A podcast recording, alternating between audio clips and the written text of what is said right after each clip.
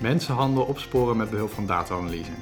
Steve de Vries van de inspectie SZW vertelt er meer over. Mijn naam is Gijs de Groot. Welkom bij aflevering 3 van de Nationale Data Podcast.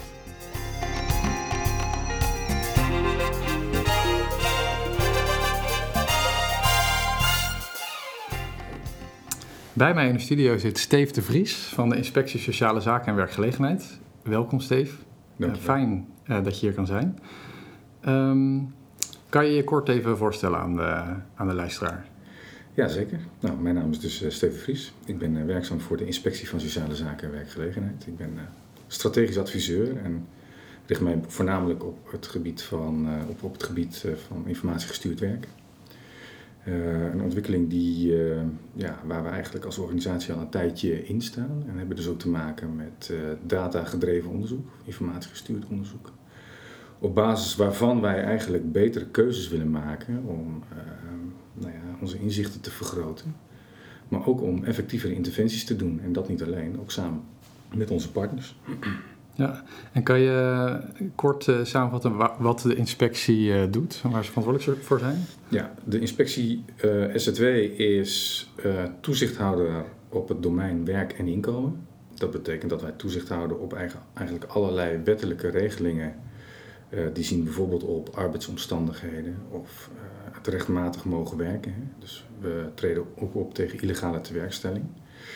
Maar ook tegen excessieve vormen van uh, overtredingen van wet en regelgeving. Denk aan mensenhandel, arbeidsuitbuiting bijvoorbeeld.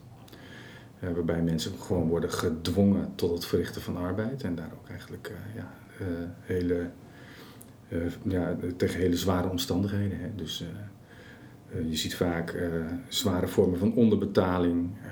je ziet vaak dat uh, in die situaties mensen veel langer werken dan toegestaan. Het werk ook echt zwaar is of zelfs gevaarlijk. Uh, dus dat, dat is eigenlijk het domein van de inspectie van sociale zaken en werkgelegenheid. Ja, je zegt vaak. Hoe vaak vinden jullie overtredingen? Hoeveel, inspecties doen jullie in een jaar en, en, hoe vaak vinden jullie iets? Nou, als organisatie doen we ongeveer 10.000 inspecties op jaarbasis. Dat staat ook al meer in onze jaarverslagen. En uh, we komen ook nog steeds wel, nou, de laatste keer, zo tussen de 1000 en de 1200 overtredingen per, per jaar bij, tegen. en daarbij moet worden opgetekend dat het maar een fractie is van wat er mogelijk speelt. Want we kunnen als inspectie natuurlijk ook niet overal komen. En dat geeft meteen aan hoe belangrijk het is om inderdaad uh, op basis van informatie en data ja. keuzes te maken. Ja, ik voelde hem al een beetje aankomen. Ja. Ja. kunnen zijn. Ja, uh, ja je, je zei al een aantal dingen over uh, nou ja, de ambities van de, van inspectie op het gebied van datagedreven of informatiegestuurd werken. kan, je daar, kan je daar wat meer over vertellen? Waar wil de inspectie heen? Ja, ik gebruik in dit geval meestal het voorbeeld van een, uh, een logistiek centrum. Stel dat je eigenaar bent van een logistiek centrum en je aan het einde van, de, van, uh, van een cyclus iedere keer tot het inzicht komt dat er iets niet klopt in uh, hetgeen je eigenlijk in je centrum hebt, hebt ingevoerd en uitvoert. Dus er zit een verschil tussen wat je inbrengt en wat je uitbrengt. Stel dat het vrij analoog is georganiseerd, dan moet je inderdaad proberen terug te redeneren waar het mogelijk mis is gegaan. Nou, stel je eens voor dat je dat hele proces digitaliseert. Dan betekent dat dat je veel eerder, op het moment dat er, uh, dat er bijvoorbeeld iets niet klopt in jouw uh, in, in, je, uh, in je doorvoer, hè, dus er is op, op een bepaald moment minder in huis dan dat je had moeten hebben, kun je eerder acteren. Hè, dus door sensoren te plaatsen in je proces, kun je eigenlijk eerder uh, tot het inzicht komen dat je nader onderzoek moet doen waar het misgaat in je logistieke proces. En dat kan van alles zijn. Het kan zijn dat er dingen stuk vallen, het kan zijn dat er diefstal wordt gepleegd of wordt verduisterd, of dat er iets gewoon in het systeem niet op orde is. Maar je moet iets doen. Nou, zo werkt het bij de inspectie SZ2 eigenlijk ook een beetje. Wij um, werkten eigenlijk tot voor kort vrij reactief. Dat betekent, we krijgen vaak een melding of een incident en dan gaan we acteren. Maar daar zijn al dan heel veel misstanden aan vooraf uh, gegaan. En dat is dan bijvoorbeeld de werknemer die meldt van hé, hey, ik word uh, minder dan minimumloon betaald. Of hoe, wat voor meldingen zijn dat? Dat, zijn, dat kunnen dat soort uh, meldingen zijn. Hè? Mensen die worden uitgebuit en zich melden als slachtoffer. Maar vaak zie je ook anonieme tips. Of uh, we hebben weliswaar bedrijfsselecties gemaakt. We gaan controleren zonder dat we precies van tevoren weten wat we daar kunnen aantreffen. En treffen daar dan ook misstanden aan. De opsporingsdienst krijgt dan een melding van toezicht. Uh, maar doordat je eigenlijk uh, je risicoanalyses probeert te versterken aan de hand van data en informatie en patronen, uh, kun je mogelijk eerder een inschatting maken van waar je moet zijn als inspectie. Nou, dat is eigenlijk wat we aan het doen zijn. Dus we proberen met onze partners eigenlijk de data en de informatie bij elkaar te brengen. Veelal digitaal, zodat je eigenlijk ook inderdaad beter kunt sturen met met je beperkte capaciteit en middelen om meer effect te bereiken. En wat voor data moet ik dan aan denken? Nou ja, dat, zijn, uh, uh, dat kunnen politiebronnen zijn, maar dat kunnen ook gewoon de, dat kunnen open bronnen zijn, het kunnen internetbronnen zijn, het kunnen ook uh, de, de basisregistraties kunnen dat zijn. En daar zitten patronen in. Ja. ja. Nou ja, interessante ontwikkeling, risicogerichte opsporing. Um, nou, ik, ik, kwam laatst uh, op de NOS ehm, een artikel tegen um, over uh, mensenhandel, casus. nou, eigenlijk die jullie, of eigenlijk onder jullie regie is, is uitgevoerd. nou, het, het, is wel breder uitgemeten in de media. Kan je daar iets over vertellen? Ik ben wel heel benieuwd hoe dat is gegaan. Ja, dat is een, uh, eigenlijk een heel mooi uh, project uh, geweest. Als je dan inderdaad um, ziet dat je op een gegeven moment gaat inzien dat je misstanden niet meer alleen kunt aanpakken. En dat je ook niet meer, dat je niet alleen over of zelf over informatie beschikt, maar ook ja, de partijen in je omgeving mogelijk over informatie beschikken. Uh, dan ontstaan vanzelf ook wel de, de, de, perspectieven om inderdaad samenwerkingsverbanden proberen aan te gaan in dit verband. Nou, wij zijn in dit verband ook een uh, samenwerking aangegaan met de ABN AMRO Bank. Eigenlijk vanuit het perspectief dat we zien dat de, de misstanden die we op ons domein tegenkomen veel gaat ook over uh, financieel gewin. Dat betekent dat je dus ook vaak patronen ziet in het financiële verkeer, hè, in, in banktransacties die zijn soms heel specifiek. Hè. Een voorbeeld is dat um, mensen die worden uitgebuit hebben vaak niet de beschikking, zelf de beschikking over een bankpas. Uh, dat heeft de werkgever en het patroon is dan dat nadat een salarisstorting heeft plaatsgevonden, achter elkaar het geld wordt gepind. Nou, dat soort kennis kun je gebruiken om in het financiële systeem uh, eerder uh, bepaalde problemen te identificeren dus als het ware sensoren te plaatsen uh, in je omgeving, zodat er ook uh, ja, eerder meldingen kunnen worden gegenereerd over mogelijke misstanden. er kan nog steeds een verklaring zijn voor deze misstanden. Uh, dat wil ook niet zeggen dat het ook echt mis is. Je zult het altijd nog moeten onderzoeken. Maar dat is wel de manier waarop we het hebben opgezet. Dus dat betekent dat wij als inspectie in dit verband eigenlijk hebben, kennis hebben ingebracht over nou ja, de, de patronen die wij zien in onze werkomgeving. Die hebben we samen met de bank en met de Universiteit van uh, Amsterdam hebben we dat omgezet naar financiële indicatoren. En die financiële indicatoren uit natuurlijke taal zijn omgezet naar queries. En die hebben dan resultaten uh, opgeleverd. Nou, uh, de wettelijke basis daarvoor is de wet ter voorkoming van witwassen en financiering van terrorisme. Banken zijn verplicht om op basis van subjectieve of objectieve indicaties meldingen te doen. Um, wij bemoeien ons dus ook helemaal niet met het proces bij de bank. Wij hebben aan de voorkant puur en alleen kennis ingebracht. Maar uh, met dat mechanisme kan de bank dus eigenlijk ook veel beter voldoen aan de, uh, nou ja, de verplichting om uh, misstanden te melden. Die informatie komt dan bij de Financial Intelligence Unit terecht. Die doen daar nog eens een keer een analyseslag over met allerlei databronnen. En vervolgens wordt dat bij ons gemeld als een signaal van een misstand. En dan kunnen wij daar naar kijken. Dus een win-win situatie zowel voor jullie als voor de ABN AMRO Bank. Precies. En als ik een stapje terug mag, waarom hebben jullie gekozen voor de casus uh, mensenhandel? Waarom hmm. niet een ander thema bijvoorbeeld? Nou, um, het is niet zo dat wij alleen maar hebben gekozen voor mensenhandel. Dat is wel zo in de media naar voren gebracht. Maar uh, wij zitten op sociaal-economische misdaad. Hè. Het kan gaan om fraude, het kan gaan om uh, uh, inderdaad uitbuiting of bepaalde schijnconstructies die zien op ernstige benadeling van vreemdelingen. Vaak worden daar wel misdrijven gepleegd en dat is eigenlijk het kader geweest. Om mensenhandel te bewijzen moeten er elementen van dwang zijn. En die haal je niet uit de systemen. Daarvoor zul je echt onderzoek moeten doen. Maar de indicaties, hè, dus het patroon van nou ja, wat ik net vertelde, het geldpinnen, uh, van het achter elkaar geldpinnen waarbij de werkgever klaarblijkelijk beschikt over de pinpassen van werknemers nou, dat soort patronen zijn wel hele duidelijke aanleidingen om nader onderzoek te doen. Ja, dus het frame was mensenhandel, maar de vraagstelling was eigenlijk veel breder. Ja, we hebben van tevoren ingezet op sociaal-economische misdaad. En dat is inderdaad veel ruimer. Ja. En hoe kwamen jullie bij de ABN AMRO Bank uh, terecht?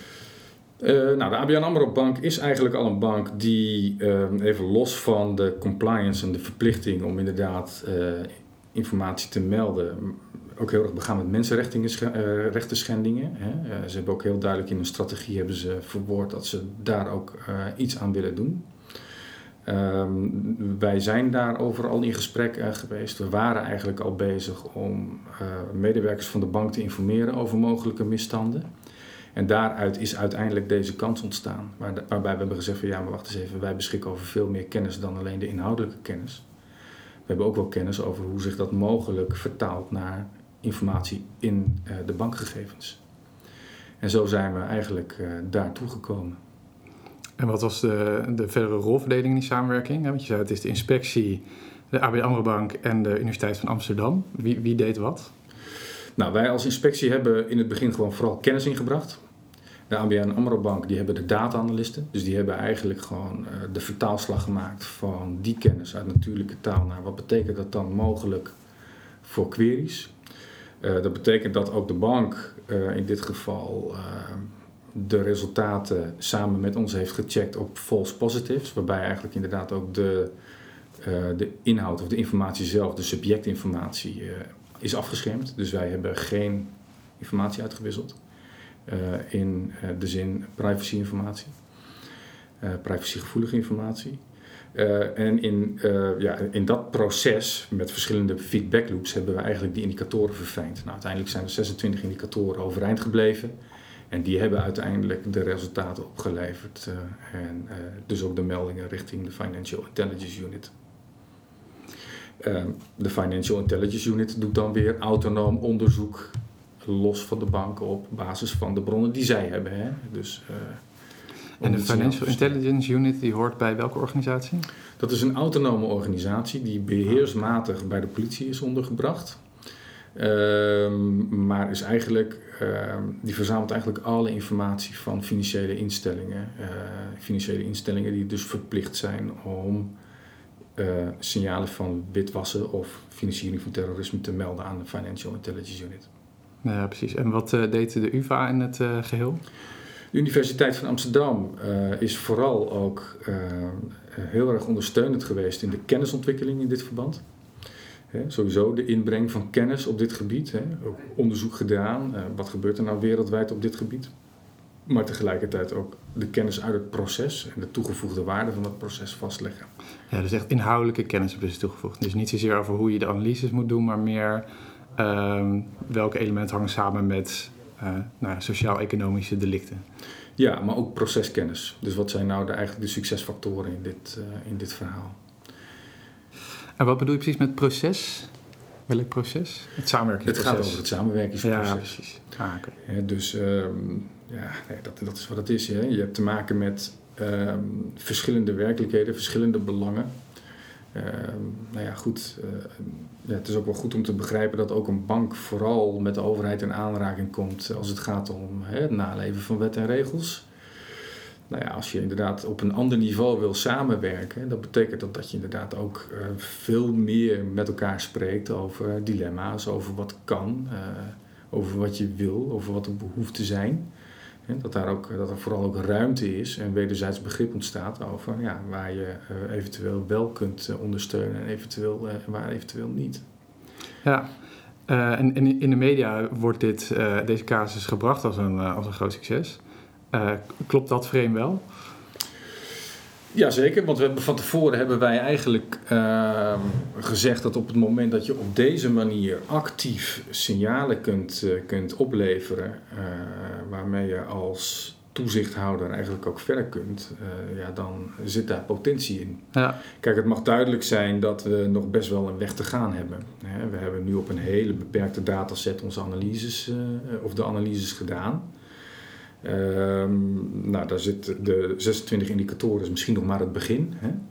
Eh, het is ook nog maar bij één bank, dus de ambitie is ook om dat breder te doen. Je kunt je ook wel voorstellen dat op het moment dat je dat bij één bank blijft doen, Ja. de berekenende crimineel die zal al snel naar andere banken Precies, uitwijken. Hè. Dan krijg je ja. een beetje het waterbedeffect, en Ja, dat is wat je niet wil. Ja, Dus het stond natuurlijk ook op, eh, op de NOS, met, eh met, althans in de media, met de naam van de ABN AMRO Bank. Dus nou, Ja. als je slim crimineel bent, denk je nou snel even rekening bij de ING-bank, Bank uh, bij de Rabobank openen. Ja. Precies, hè? dus in- inmiddels zijn we ook in gesprek met andere banken. En nou ja, deze 26 indicatoren die zijn zo over te nemen, maar we willen natuurlijk verder. We willen meer. Dus het is het, het is het begin. Eh, en in die zin alleen al een succes omdat er op dit, op dit moment aandacht voor is. Maar dat levert ook resultaten op. En hebben jullie ook gemeten of, eh, of eh, de inspecties die jullie op basis van deze eh kaas hebben gedaan ook meer ja, resultaten heeft, eh, heeft opgeleverd? Dus dat jullie meer vinden? Je gaf in het begin aan, je ongeveer 10.000 inspecties in een jaar. Nou, zeg maar 10, 12 procent daarvan vind je iets. Eh, zeg je nou dat het bij deze groep ook meer was? Nou, zo, ehm, zo werkt dat geloof ik niet. Het is, eh, het is zo dat je op het moment dat je actief op zoek gaat naar signalen door middel van indicatoren, ehm, krijg je een melding op het moment dat de patronen laten zien dat er mogelijk iets mis is. Dus dat is inderdaad een risico-indicator. En die risico-indicator eh, kan sowieso eh, op het moment dat je nader onderzoek gaat doen, kan je focus geven. Dus je kunt op basis daarvan kun je prioriteit geven aan wat je nader gaat onderzoeken. Zodat je eigenlijk aan de voorkant al efficiënt en effectief omgaat met je capaciteit, je beperkte capaciteit. En als dan inderdaad een melding wordt gedaan, ehm, nou ja, goed, dan is dat vaak al dusdanig verrijkt met informatie dat je eigenlijk al wel weet van hé, hey, eh, het, eh, het zit, eh, hier moeten we echt wat aan doen, want hier zit mogelijk echt goed mis. Dat is wat ik erover kan zeggen. In een ander geval, in één geval zien we dat we er eigenlijk helemaal geen informatie bij hadden, maar het patroon wel dusdanig was. eh, onder andere die pintransacties waar ik het net over had eh, gehad, eh, dat we eigenlijk wel het mooi vinden om te zien dat je op die manier dus ook bij bedrijven of mogelijk malafide bedrijven uitkomt die je eerder nog niet in het vizier had. Dus het versterkt je risicoanalyses. En het is echt nu nog te vroeg om te zeggen dat dit straks in de toekomst een hele andere manier van inspecteren eh, in gaat eh, houden. Eh, maar het heeft potentie. Dat is wat we hebben gezien. Ja, dus de potentie wel om ook het, het aantal vondsten ten opzichte van het totaal aantal inspecties omhoog te brengen. Dat, Als dat, het is nog maar de vraag of dat als succesindicator standhoudt. Eh, misschien eh, gaat het er juist ook wel om dat je al effect bereikt doordat je op deze manier ook kunt monitoren. En dat ook er bewustwording ontstaat in de samenleving eh, dat we hiermee bezig zijn. ja, precies. En dat- preventieve werking eigenlijk. Ja, de preventieve Ja. effecten zijn misschien wel veel belangrijker als dat je zometeen iedere keer achteraan zit te vissen en de problemen aan het oplossen. Ja. Je wil eigenlijk problemen voorkomen. Dat is wat, eh, wat we willen doen. Ja. Ja. Oké. Ja, dus Ah, die incidenten die straks overblijven, ja, die, dat zijn sterke risicosignalen en daar zullen we ongetwijfeld wat aan doen. Maar ehm, ja, de vraag is of je succesvol bent op het moment dat je inderdaad eh, iedere keer weer, ik noem maar wat, duizend boetes oplegt tegen eh, bedrijven die je op deze manier naar boven haalt. Het zou juist mooi zijn als je inderdaad op deze manier juist een heleboel misstanden kunt voorkomen. Ja. ja, dus dat je niet meer een labmiddel wordt, maar echt eh, het probleem voorkomt bij de kern. Precies, en dat kun je alleen maar in samenwerking doen. Daarvoor zul je dus breed in de keten inderdaad met elkaar verantwoordelijkheid eh, Ja. moeten nemen. Voordat we nog verder gaan over die samenwerking, ehm, daar ben ik ook wel heel benieuwd naar. Je gaf aan, we kregen geen persoonsgegevens van de ABN AMRO Bank vanwege privacy redenen. Hoe wisten jullie dan uiteindelijk waar jullie moesten zijn? Nou, het punt is, is dat wij, eh, wat ik al zei, aan de voorkant hebben we kennis ingebracht. De bank heeft die kennis gebruikt om die financiële indicatoren te bouwen en heeft resultaten opgeleverd. Maar die resultaten die zijn, die worden altijd gestuurd naar de Financial Intelligence Unit. Zij maken die analyses en op het moment dat daar dan inderdaad ook echt een product uitkomt, een, echt een, eh, een transactie verdacht kan worden verklaard, komt dat alsnog bij ons. Ja, Dus wat we hebben gedaan, we hebben dat van tevoren allemaal gelabeld in de zin van een kenmerk. En uh, op het moment dat de Financial Intelligence Unit bij ons dus een melding doet met, dan, met dat kenmerk, weten wij dat dat uit dit proces is gekomen. Ja, dus jullie hebben het als het ware gepseudonymiseerd. Ja. En de Financial Intelligence Unit als een soort van trusted third party gebruikt. Zij zijn gewoon een onafhankelijk instituut die hier gewoon dan Ja. naar kijken. Ja. Maar, maar zij kregen ook die gepseudonymiseerde dataset dus. Ja. Ja, oké. Helder. Nou, zij hebben dus wel echt de object- en de subjectinformatie Oh, ja. gekregen. Ja, ja, precies. Ja. Oké, helder. Ehm, nou, je gaf aan eh, dat de samenwerking, althans de- deze samenwerking heeft tot een, tot een mooi succes geleid. Ik ben heel erg benieuwd eh, naar hoe jullie deze samenwerking werkt hebben gekregen. Wat waren nou de succesfactoren en ook de aandachtspunten? Nou ja, wat ik al zei, kijk, het is ontzettend belangrijk dat je werkt vanuit een gemeenschappelijk belang. Dus als je kijkt naar problemen op het domein werk en inkomen, dan is dat niet alleen een probleem omdat er wetten en regels worden overtreden, en dat puur het perspectief is van de inspectie SZW.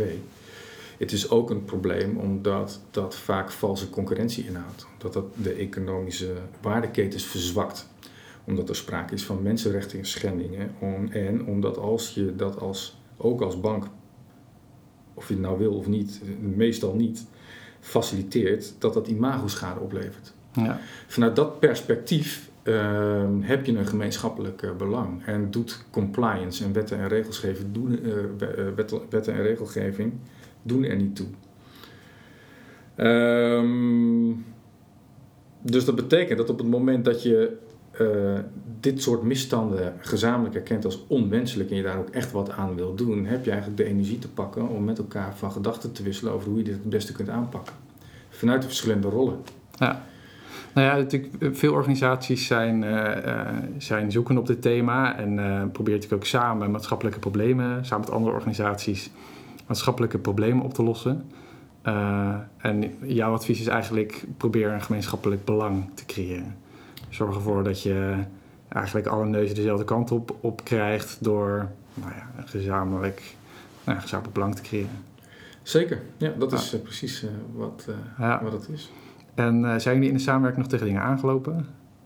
Eigenlijk, tips die je andere organisaties misschien wel mee wil geven, aandachtspunten? Ja, wat we, eh, wat we in het begin wilden doen is eh, het heel projectmatig aanpakken met een strakke deadline en een kop en een kont. Maar dat werkt in dit soort ingewikkelde processen niet. Hè. Je hebt sowieso te maken met, ehm, je moet heel veel tests door.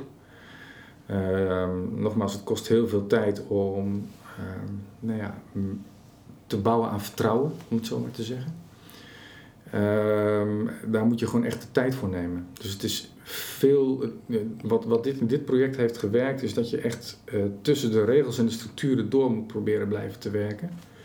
En samen moet heel langzaam moet gaan bouwen aan de eerste resultaten. Tot het moment dat je kunt zeggen van hé, hey, dit, is, ehm, dit heeft echt potentie. Eh, te meer ook omdat je ook eh, nou ja, vaak te maken hebt met beperkte capaciteit en middelen in organisaties. Eh, we staan al onder enorme druk. Dus het moet er allemaal even bij. Hè? En op het moment dat het een moedje wordt, dan verlies je alle energie. Dus een, echt een, een belangrijke succesfactor in dit project is geweest. We hebben het procesmatig aangepakt, stapje voor stapje. Eh, en ieder probleempje die we eh, onderweg zijn tegengekomen, hebben we afzonderlijk gewoon op, eigenlijk opgepakt en opgelost. Totdat we uiteindelijk tot de resultaten zijn gekomen die het heeft eh, opgeleverd. Ja, dus een beetje denk groot, begin klein. Precies. Ja. Nou, dat is ook wel een mooi advies, denk ik, voor andere, andere organisaties die hiermee, die hiermee worstelen. Ehm, en dan nog, nog tot slot, wat was jouw rol in het project? Ja, ik zie mezelf in dit geval eigenlijk als procesbegeleider vanuit de inspectie eh, SZW, de aanjager, zorgen dat er inderdaad ook eh, de juiste kennis en expertise aan tafel eh, zit. Ehm, ook de verhalen vertellen, dus welke misstanden komen we nou tegen, dat, dat soort dingen. En uiteindelijk ook natuurlijk gewoon ja, het verbinden van, van de mensen. En ehm, uiteindelijk ook zometeen het eh, rapporteren van het eindresultaat, dat hoort er ook bij. Ja, dus, dus ook de vertaalslag kunnen maken van de, van de modellen, van de data-werkelijkheid naar de, de echte werkelijkheid, de maatschappelijke werkelijkheid. precies, uh, we hebben te maken met verschijningsvormen. En die verschijningsvormen uh, in natuurlijke taal dusdanig uitleggen, zodat ook data-analysten daar de elementen uit kunnen halen die, die van belang zijn voor een data-analyse als deze. Ja, dat is een belangrijk dingetje geweest in dit proces. Uh, nou, Steve, dankjewel. Dankjewel voor je verhaal over uh, uh, nou ja, de casus mensenhandel en wat de inspectie SZW met data doet en met data wil. we eindigen de podcast altijd met de vraag of je nog een tip hebt voor een volgende podcastgast. Ja, je zou dan kunnen denken aan Rob van het Oever van ABN AMRO Bank. Die doen daar hele slimme dingen met allerlei data en bankgegevens. Die kunnen je misschien nog veel meer vertellen over hoe zij werken. Dus mogelijk wel interessant om daar eens mee te praten. Bedankt voor de tip, Steve. En nogmaals bedankt voor je, voor je medewerking aan de podcast en dat je hier wil zijn. Graag gedaan.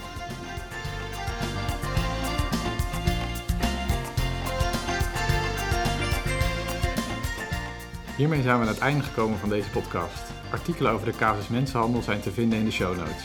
Wilt u reageren over een onderwerp aanvragen? Stuur dan een mail naar data.vka.nl. Dank voor het luisteren en tot de volgende keer.